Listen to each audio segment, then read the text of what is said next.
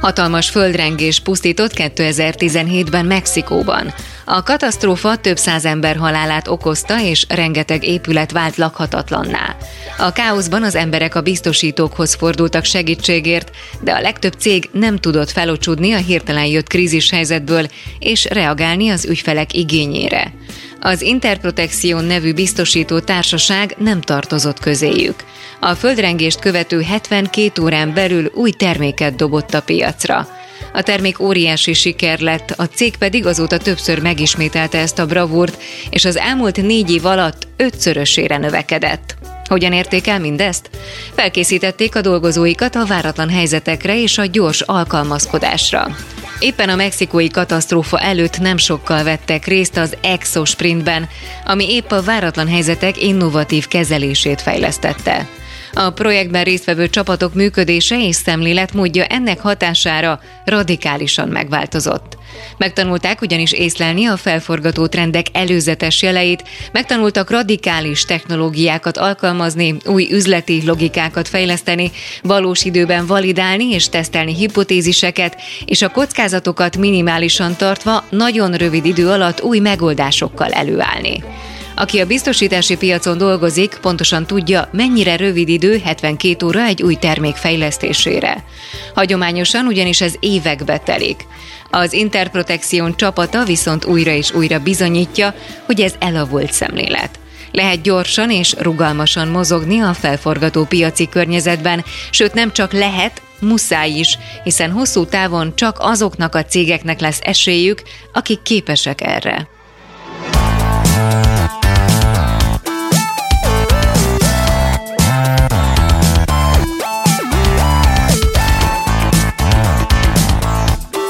Legyél úttörő, legyél dinamikus, legyél agilis, változtas, digitalizálj, újíts. Ezt várják tőled. Ettől leszel sikeres vezető. Mondani könnyű, megcsinálni nem annyira. Az Epic Stories podcastben olyan üzleti történeteket mesélünk el, amikből tanulhatsz, amik inspirálnak, vagy egyszerűen csak szórakoztatóak.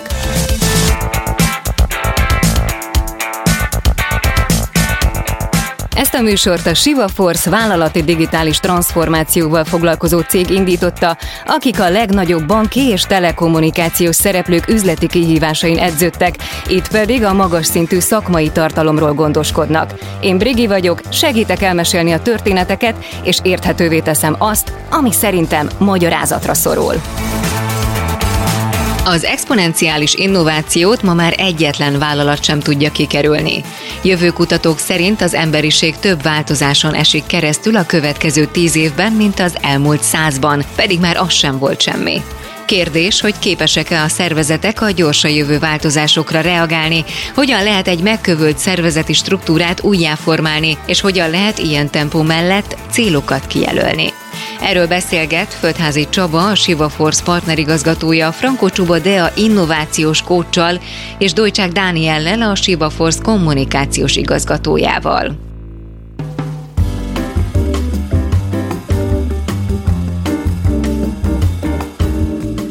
Eszembe jutott egy érdekes videófelvétel még YouTube-on találkoztam Gerd Leonhard, egyébként egy jövőkutató, és ő ugye azt mondta, hogy az elmúlt 200 évben az emberiség életét ugye négy nagyobb ilyen súlyos technológiai változás övezte, és hogy azt jósolta, hogy így 20 évente ezek a változásoknak a száma így duplázódik, exponenciálisan növekszik.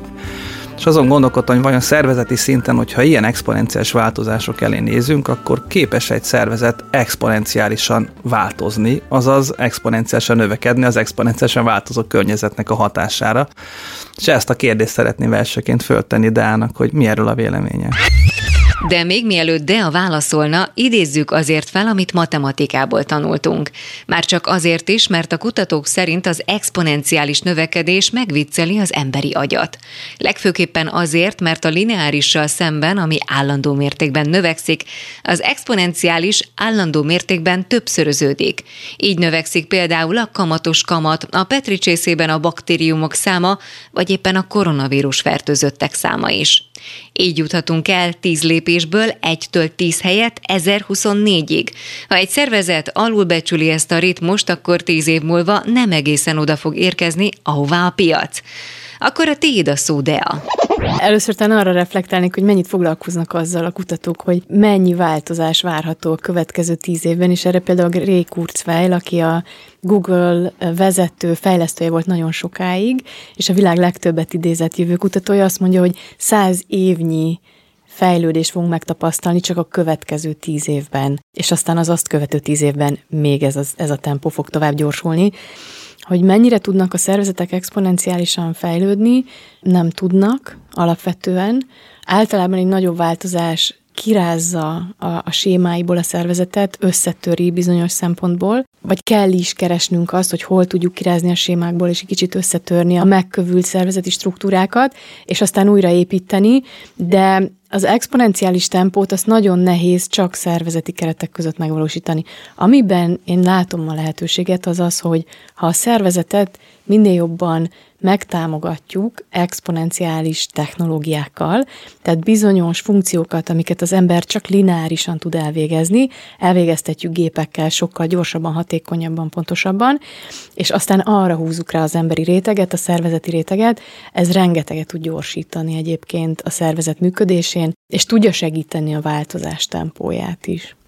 Beszéltél a gépekről, de ugye az emberi tényező ebből a szempontból legalább olyan érdekes lehet, hiszen egy gépet be lehet állítani adott idő alatt adott sebességű feladatok elvégzésére, de az emberek esetében ez azért lassabban történik, vagy lassabb folyamat, ez a fajta behangolás. Igen, tehát a Gerleon hárdot említetted, és volt egy pár évvel ezelőtt szerencsém vele egy együtt tölteni itt Magyarországon két napot, és így kísérgettem a különböző fellépéseire, és egyrészt ugye azok a dolgok, amiket ő hosszú ideje mond, azokat szerintem érdemes picit másik oldalról is megnézni, hogy az egyik ilyen mondás az az volt, hogy az exponenciális növekedésben azt sem szabad elfelejteni, hogy a technológia az mindig semleges, és hogy talán talán ez egy nagyon fontos dolog, amit cégek sem biztos, hogy mindig átlátnak, tehát nem pozitív vagy nem ördögiek ezek a technológiák, hanem ezek mindig semlegesek, és mindig is azok voltak. Ugye a puskaporból is ugye lehet tűzijátékot is csinálni, meg életet kioltó fegyvert, és talán ez ami számít, illetve a másik, hogyha az emberi tényezőt említetted, akkor Jared Diamondnak a Guns, Germs and Steel című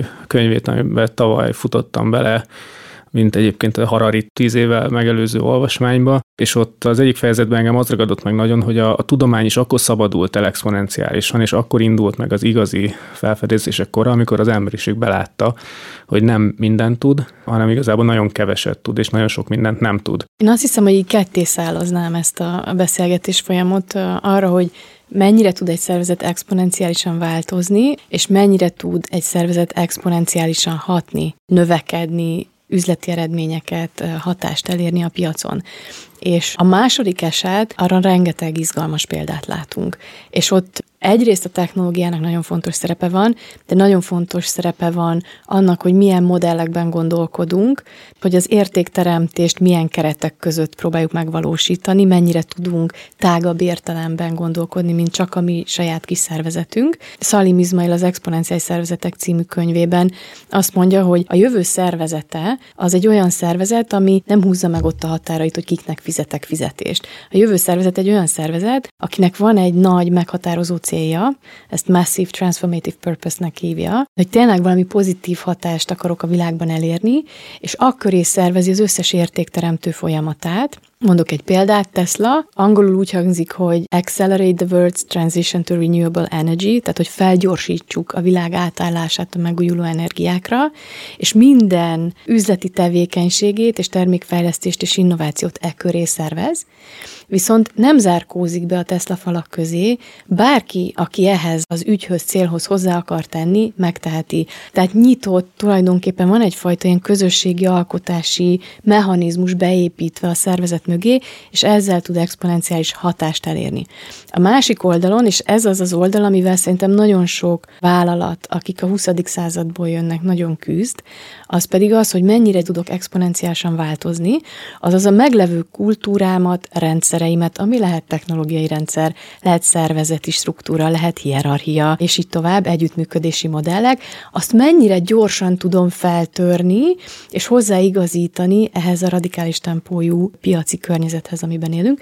Na ebben viszont nagyon nehezen tudunk kilépni a régi sémákból, és új paradigmákat teremteni. Én nem láttam még rá jó, igazán exponenciális példát. Azt mondtad, hogy nem tudják feltörni ezeket a sémákat, de hogy szerintem az is egy nagyon fontos tényező, hogy nem mindenki akarja. És van egy, egy kedvenc példám még így a 20. század elejéről vagy előttről, ugye a hűtőgép feltalálása előtt a jeget azt először ugye ilyen hideg helyekről hajóval szállították, utána akkor pont terjedt a vasút, akkor az azt elkezdte kiszorítani, utána feltalálták a jégcsinálógépet, akkor már helyi szinten gyártották és úgy hurcolták szét, meg az emberek vitték haza a kézbe, és végül egyszer csak lett elektromos hűtőgép, meg légkondicionáló, ami miatt ezek is teret vesztettek, és hogy ezek különböző korszakok voltak, de soha nem az éppen meglévő státuszkónak a domináns szereplője volt az, aki behozta az új korszakot, és az online világban is látszik, hogyha mondjuk nem csak ilyen 5-10 éves távlatokban nézzük, hanem mondjuk most már ilyen 30-40 éve van ennek a digitális korszaknak is, amit lehet nézni. Tehát, hogy biztos, hogy nem érdekeltek azok a célok, akik éppen dominánsak abban, vagy kényelmesen vannak abban, hogy, hogy változzanak, ha egyébként a profitjuk nő, és nagyon nehéz valószínűleg egy cégen belül azt mondani, hogy most egy százalékot tesz ki ez a bevételi forrás, de hogy akkor a növekedési potenciál van benne, hogy erre tegyünk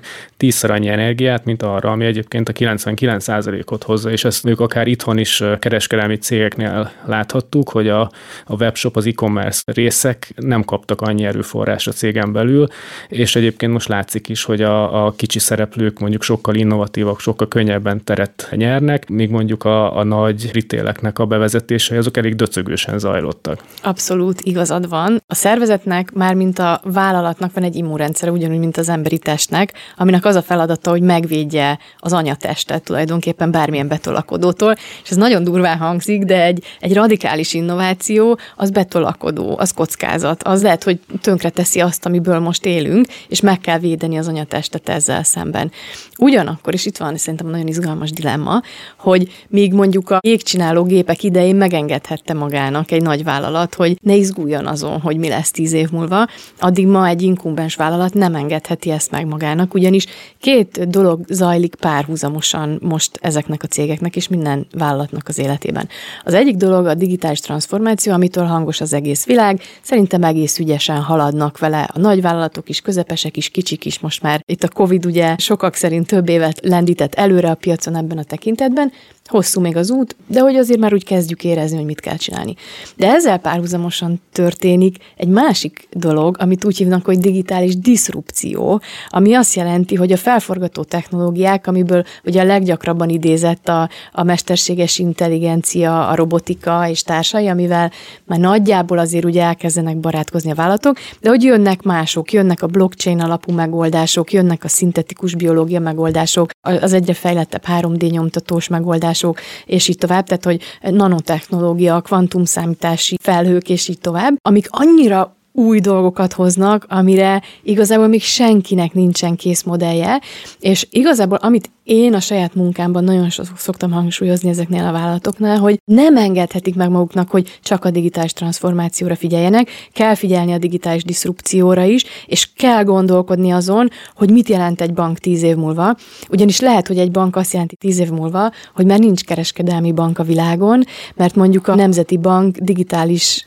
valuta kibocsátással gyakorlatilag kivette a középső szereplőt a piac és a Nemzeti Bank közül, és már nincsen szükség erre a szereplőre aminek brutális felforgató ereje van, hogyha belegondoltok, és ezen muszáj gondolkodni, és nincsen rá kész válasz, nincsen rá még jó megoldás, amit le lehet másolni. Nem látunk rá példát még. Arra már látunk példát, hogy Nemzeti Bank digitális pénzt ad ki, ugye Kínába ez most történik, tehát a folyamat elindult, de hogy ez mit fog jelenteni, és hogy kell reagálni a bankoknak, a kereskedelmi bankhálózatoknak, arra még nincsen másolható példa, de nincs is időn kivárni, hogy legyen. És hogyha ha már így az immunrendszert szóba hoztad, és egyébként manapság szerintem mindenki képben van azzal, hogy az immunrendszerek hogy működnek, úgyhogy azt lehet mondani egyébként erre a szervezeti transformációnál, így, így az a kép jutott eszembe, hogy igen, akkor be kell adni egy olyan oltást, ami fel, felkészít a disztrupcióra, mert a Viki Péter, akivel a IVS-ben dolgoztam együtt, illetve a Microsoftnak volt 7 évig a CEO, ő mondta nagyon gyakran, az összes digitális transformációs projektnek a legnagyobb akadályozói a közép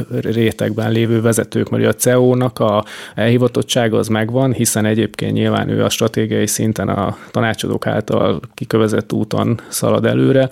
Az embereknek a mondjuk akár egy agilis transformációba, és ott tényleg eszközszinten, akár így mondjuk úgy, hogy a 10-50 dolláros tréninggel már neki lehet ugrani annak, hogy másképp menj, de a középen a státuszkóját féltő vezető, amit mondtál, ő lehet valószínűleg ebben az immunrendszerben a védekező, és hogy tényleg így a szervezetben érdemes először hatni vagy felkészülni. Na, hogyan tudja vajon egy, akár a menedzsment, akár egy ilyen projekt, akár egy szervezeti transformáció ezt a biztonság érzetet úgy megtartani, hogy az emberi szinten létező félelmünk a változástól az ne játszon közre, és megmerjem kockáztatni ezeket a változtatásokat? Hát bedobnék akkor egy fogalmat, hogy ez a validáción keresztül előrelépés, és a kudarc, meg a próbálkozás környékén talán az egyik leggyakoribb hiba, amit így vállalatoknál is meg lehet figyelni, hogy neki indulnak mondjuk egy agilis transformációs projektnek.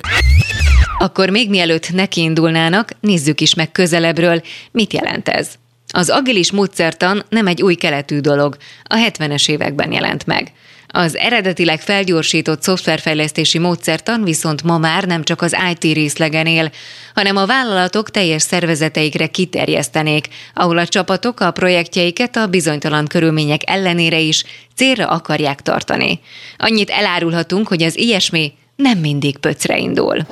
És eltelik mondjuk rengeteg idő, és mondják, hogy már 20 ötletet leraktunk az asztalra, már van 20 koncepciónk, de az, az se jó, és akkor már elkezdtük csinálni a 21-et. Ez ugye nem agilis transformáció, hanem ez igazából a, a pénznek a, a felesleges égetése, mert hogy, hogy ez akkor válik agilisra, hogyha egyébként mersz lépni, és azt mondod, hogy akkor kettőt, hármat kipróbálok, és van mihez viszonyítanod, és azt mondod, hogy akkor ez az egyik, ez mondjuk valamelyik kulcs KPI-ban jobban teljesített, akkor ezt megtartom, az előzőt kidobom, az rosszabbul teljesített, akkor ezt elvetem, és ebbe az irányba nem megyek tovább. Tehát ez egy gyors próbálkozás, meg a validációs próbálkozásból nem szab, tehát hogy nem csak az ötletelés a lényeg, hanem a maga a kipróbálás is, és a visszamérés is. Hogy valószínűleg ezt a biztonságot azt teremti meg, hogy az emberek azt látják, hogy kipróbálhatom, és nem baj, hogyha A vagy B, de tudunk utána tovább menni, és nem kell beleragadni ebbe a környezetbe, és a KPI-ok kiválasztásánál pedig nyilvánvalóan az a legfontosabb, hogy ez ugye minél közelebb legyen legyen ahhoz a valódi célhoz, amit el akarunk érni. A változás, az újdonság, meg a komfortzóna elhagyás, az mindig egy rossz érzés.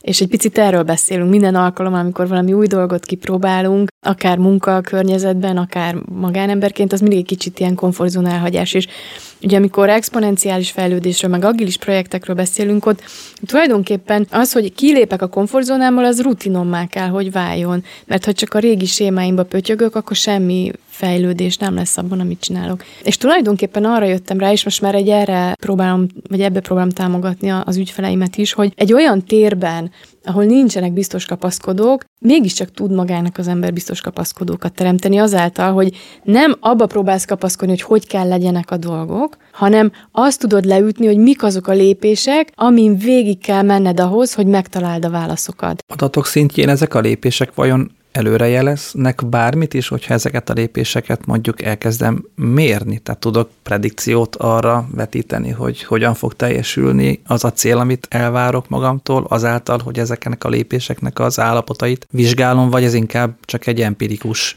tapasztalás, és aztán vagy odaérek, vagy nem. Én a saját sporttapasztalatomat hoznám be, ugye a hobbi sportban, de egyre több eszközzel, meg analitikával a hátunk mögött, tehát hogy azért mondjuk ma az embernek a kezén van egy sportóra, vagy egy okosóra, és még egy-két szenzor a biciklin itt ott, ott, akkor gyakorlatilag így egy komolyabb rendszer áll rendelkezésünkre, mint mondjuk egy tíz évvel ezelőtti olimpiai sportolónak, ami egyébként így akár nevetséges is lehet, mert minek az nekem, de hogy az látszik, hogy ha, ha mondjuk egyrészt kitűzök egy célt, hogy mondjuk nem tudom, le akarok úszni három kilométert egy óra alatt, akkor nagyon pontosan látom azt, hogy, hogy mely technikák azok, amik közelebb visznek ehhez, mennyire vagyok távol, mi az a, az erőfeszítés, amit meg kell tennem ahhoz, hogy akár csak 5 másodpercet javuljak százon. Igazából nekem például az segít a legtöbbet, hogy a heti teljesítményt vagy a folyamatos teljesítményt látom trendszerűen, ezek a visszajelzések ugye önbeteljesítőek, és ugye a céloknak szoktuk mondani, hogy hatalma van. És hogyha én azt tűztem ki, hogy mondjuk így 7000 kilométert fogok kerékpározni abban az évben, akkor látom, hogy egyébként az minden nap, az mondjuk 20 valahány kilométer mondjuk. Tehát lebontom ezeket a célokat kicsire, és pontosan tudom, hogy aznap ez teljesült, vagy nem teljesült, és akkor következő nap mennyivel kell többet rárakni. Tehát ilyen, ilyen szempontból biztos, hogy az adatok azok segítenek, de mondjuk ha túlzásba esünk, akkor valószínűleg az, az is ugyanolyan akadályozó lehet, mert a stressz viszont nagyon tudja növelni. Tehát, hogyha valakinek a homlokára tetoválom az adatokat, és mindig az orra dörgölöm, és folyamatosan azzal idegesítem, akkor valószínűleg egyébként a, a motivációt drasztikusan tudja csökkenteni. Ezt chunkingnak, ilyen darabolásnak hívják ebben az ilyen jövőépítős módszertanban, ami arról szól, hogy kell, hogy legyen egy ilyen nagy célod, ez az MTP, amit már emlegettem, ahova el akarsz jutni a szervezeteddel, de utána azt le kell bontani, hogy hova akarsz eljutni tíz év alatt, egy év alatt, negyed évente, havonta, hetente és naponta. És csak hogy így visszatérjek így a vállalkozás, meg startup építési analógiámhoz, hogy nekem például ez volt az első ilyen módszer, ami segített ezt a komfortzónán kívüli életet, amit élek, mondhatom, hogy nap, mint nap, azt én nagyon élhetővé és szerethetővé tenni, hogy kitűztem egy célt, hogy most egy ilyen vállalkozást akarok összerakni, vagy egy ilyen projektet szeretnék sikeresen összerakni, és tudom, hogy mit kell tennem az idén, a harmadik negyed évben, a másodikban, az elsőben, a következő hónapban, a következő héten, következő napon, de onnantól kezdve, hogy ez megvan, csak a következő napra fókuszálok. Mi az a öt dolog, ami kell ahhoz, hogy ezt a napot megnyert? És ha ezt még vizualizálod is, és látod a, a folyamatot és a fejlődést, amit megtettél, akkor ez a komfortzónán kívül élet, ez a kísérletezés, ez egy baromi élvezhető, meg izgalmas dologgá tud válni. Igen, és tehát ugye túl nagy dolgok, meg az emészhetetlen dolgok, azok bénítóak, és végülis az egész agilitásnak ez talán a lényege, és ugye ez is az Epic Stories, az azért egy játékos cím, mert ugye ezek a nagy célokat ugye az agilis módszertanban epikeknek hívják, amit ugye az év során, vagy mondjuk a hosszú táv, vagy negyed év során próbálunk elérni, és azon belül ugye a sprinten belül, a kéthetes sprintben vannak a sztorik, és azon belül egyébként a taskok, és persze, hogy az tud nagyon ilyen repetitív, és mondjuk így ilyen szerű lenni, hogyha valaki csak a taskokat figyeli, de hogy, hogy talán mondjuk egy adott nap megnyeréséhez tényleg az a fontos, hogy ne az Epic nyomja a vállamat, hanem mondjuk csak a task, vagy csak a story. Nagyon jó, hogyha mindenkinek van egy egy napi prioritás listája, vagy egy napi mennyerendő célja, de ugye a nagy epikek valahogy a kommunikáción keresztül kell, hogy beérkezzenek a szervezet minden szintjére. De vajon itt vannak olyan praktikák, ami a kommunikáció szintjén megjelenik ahhoz, hogy most túlsűrűn, vagy ritkán minden nap mondjuk el, vagy csak két havonta ezeket a célokat. Mi itt a jó megoldás, hogy ne legyen nyomasztó, de ugyanakkor mindig előttünk legyenek ezek az információk. Kommunikáció nélkül ez nyilván nem fog menni. Nagyon kedves példa számomra, hát elmondhatom a cég nevét, ez a Siemens példája, akik egy e-aircraft nevű startupot hoztak létre, az volt a céljuk, hogy 2030-ra elektromos motorokkal repüljenek a nagy kereskedelmi repülőgépek és ez egy moonshot, ez egy nagyon komoly cél szerintem, és az ő terükön belül egy diszruptív innováció. És odaadták ehhez az erőforrást a csapatnak, odaadták ehhez a szabadságot, ez a cél ide kell eljutni. Ezzel nem változtatnak, ez egy viszonylag fix cél. Viszont hogyan tudod mérni, hogy 2030-ig eljutsz -e ideig? Mert ha eljutsz, akkor valószínűleg lesz belőle profitod, hogy tényleg megtérül ez a beruházás. És uh, tulajdonképpen ők csak a technológiai paraméterekre mértek. Tehát azt mondták, hogy három mérőszámuk van. Az első nem eshet le egy repülő se, aki ilyen motorral megy. Ez kész, ezen nincs vita. A második, hogy exponenciálisan kell fejlődni annak, hogy mennyi időt tudnak repülni ezek a repülők. A harmadik pedig exponenciálisan kell fejlődni annak, hogy mekkora súlyt tudnak magukkal vinni az alatt az idő alatt. És ezt a három KPI-t figyelték, ez alapján határozták meg, vagy döntötték el, hogy irányban van-e a projekt vagy sem, és egyébként két évvel előbb rakták fel az első elektromos motorjukat egy Airbusra, mint eredetileg tervezték. Fú, most én nagyon nagyot kanyarodtam, talán nem is emlékszem, hogy honnan indultam. Kommunikáció de, hogy, volt. Hogy, hogy, a, hogy a KPI-ok, és hogy ja igen, hogy kitűzte a célt, és azon már nem változtatod, és a csapatnak teljes szabadsága van, hogy azokat a mérföldköveket leszállítsa. Tehát, hogy ő hogy éri el, hogy egyébként most fél órát repül az a Cessna, de három hónap múlva már egy órát, és ma még egy ember ül benne, de fél év múlva már négy, az már az ő dolguk, és utána azt már ők csapaton belül lejátszák, és a csapat meg jellemzően már nem olyan óriási, hogy ők már tudnak tanulni, ők kísérleteznek, ők látják az adatokat, ők fejlesztenek, ők próbálkoznak, tehát ott már sokkal gyorsabban tudnak áramolni az újdonságok meg a, a dolgok. Ugye mondtad, hogy a célok vagy a legfelső célok nem változnak, most nálunk ez talán annyival különbözik, hogy mondjuk ilyen banki, telekommunikációs vagy egy nagyvállalati ügyfeleknek, hogyha szállítunk, azt szoktuk mondani, hogy viharban edződtünk, és hogy az elmúlt ilyen akár évtized évtizednyi tapasztalatot is végnézve azért azt tudjuk mondani, hogy de a célok is tudnak menet közben változni, és egyébként ennek ezer oka lehet, tehát nem feltétlenül az, hogy mondjuk figyelmetlen volt valaki, hanem akár ez egy szabályozásnak a változása, vagy egy ügyféligénynek a változása, vagy egy bármilyen külső körülmény, például mondjuk egy gazdasági válságnak a bekövetkezte, és ezek miatt hozzá kell szokni ahhoz is, hogy a célok változnak, és ezért nálunk az vált be, hogy ezeket is viszonylag gyakran kell kommunikálni, és általában egyébként az a tapasztalat, hogy az emberekben gyűlik egy feszültség, de hogyha értik egyébként, hogy mondjuk miért történik ez a dolog, akkor sokkal támogatóbbak, sokkal együttműködőbbek. És ugye ezért van az, hogy érdemes a célokat, azokat akkor is ismételgetni, hogyha gyakran változnak, és azt is bevallani, hogy most megváltoztak, és nem húzni ennek a bejelentését, illetve tényleg rájuk hagyni a működést, tehát amit te is mondtál, hogy neki legyen szabadsága abban, hogy azt az új célt, vagy a bármelyik célt, az hogyan érje el, tehát az önszerveződés az, nagyon fontos, de közben a, a visszacsatolás meg talán még fontosabb. Nagyon sokat beszéltetek így a kvázi a pozitív ágról, hogy hogy sikerülnek jól a dolgok. De hogy talán vigyünk el egy olyat is magunkkal, hogy mik azok a típus hibák, csapdák, amiket érdemes kik kikerülni egy ilyen akár szervezeti transformáció, akár disruptív technológiákkal való működés során. Talán szerintem ez a mi és ők, vagy az én és ők dolgot hoznám, mint egy óriási kockázat, hogy akik ebben részt vesznek, nem engedhetik meg maguknak azt az érzést, hogy azt gondolják, hogy ez a cégről szól, hanem saját magára is. És nekem a saját személyes tapasztalatom egyébként az, hogy, hogy nagyon, sokat foglalkoztam különböző szerepekben a digitális transformációval, meg ezekkel az átalakulásokkal, és, és egyre jobban rájöttem, hogy a saját életemnek az átalakítása és pontosan ugyanezeken a lépéseken halad vég, és hogy pontosan ugyanúgy nem lehet megspórolni az elején a felfedezést, utána mondjuk a célok kirakását, vagy a keretrendszernek a, a beütését. Amit elmondtunk a cégekről, meg a CEO-król, meg a szervezetekről, az saját magadra is pontosan úgy igaz. Nekem két dolog jutott eszembe. Az első az az, hogy nagyon nehéz tudni, hogy mikor kell feladni valamit. Tehát ugye az ilyen útörő tevékenységeknél azért nagyon sokszor ütközik falakba az ember, és nagyon sokszor tűnik úgy, hogy ezt nem lehet megcsinálni, ez lehetetlen. Rohadt jó ötlet, de nincs rá jó megoldás, vagy nincs rá jó bizniszmodell. Meg tudjuk oldani technológiailag, de nem lesz belőle pénz és hogy ezek nagyon fogós pillanatok a csapatok életében, mert tényleg sokszor állnak ott, hogy gyerekek engedjük el, tehát ennek így nincs értelme. És hogy hol van az a pont, ahol már el szabad engedni, azt nagyon nehéz belőni, és szerintem sokszor van, hogy elengedünk olyan dolgokat, amikre lenne még megoldás. Nagyon sok példát látok arra is egyébként, amikor tovább rugdossa magát a csapat erőből, és aztán egyszer csak abból sül ki igazából a forradalmi és átütő erejű megoldás. De ugye nem akarsz pénzt elégetni olyan dologra, aminek igazából a nap végén nem lesz értelme. Tehát hogy ez egy nagyon nagy feszültségi pont. Ez volt az első dolog, ami eszembe jutott, és kezdődtek a másodikra, már nem emlékszem. Úgy, amiközben Danit hallgattam, az így elszállt a fejemből. Úgyhogy lehet, hogy ez volt most így a fontos tanulság. A gyors, exponenciális változás nem kerülhető el, de az segít talpon maradni, ha a szervezetet jól támogatjuk technológiákkal.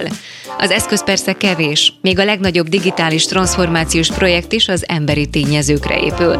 A kollégákat, a csapatot azzal lehet motiválni, ha ismerik a miérteket és az elérendő célokat, az ahhoz vezető úton pedig szabadságot kapnak. Ez a rész azt is bebizonyította, hogy a vállalatok nem engedhetik meg maguknak, hogy saját maguk optimalizálása mellett ne figyeljenek a tőlük most még távol lévő, de az iparágukat felforgató megoldásokra is, mint például a robotika, a nanotechnológia, vagy akár a kriptó. Nem elég a mostani problémákat jobban megoldani, arra is figyelni kell, hogy az iparáguk hol tart majd tíz év múlva. Másolható, jó példa nem lesz, magára az állandó változásra kell felkészülni. Ez a történet itt véget ért, de van még mit megbeszélnünk. Ha tetszett az Epic Stories, kövess minket a kedvenc podcast lejátszódban, és iratkozz fel az epicstories.hu oldalon, hogy ne maradj le az újabb epizódokról és a további inspiráló történetekről. Ha van egy tanulságos üzleti történeted, amit megosztanál velünk, küld el az epickukat.sivaforce.com címre. Az Epic Stories tartalmi koncepcióját Dojcsák Dániel készítette. A műsor szerkesztője Zádori László, a vezető szerkesztő Neizer Anita, a gyártásvezető Grüger Dia, a zenei és utómunka szerkesztő Szűcs Dániel, a kreatív producer Román Balázs, a producer pedig Hampuk Richard. Ordasi Brigittát és az Epic Stories-t hallottátok.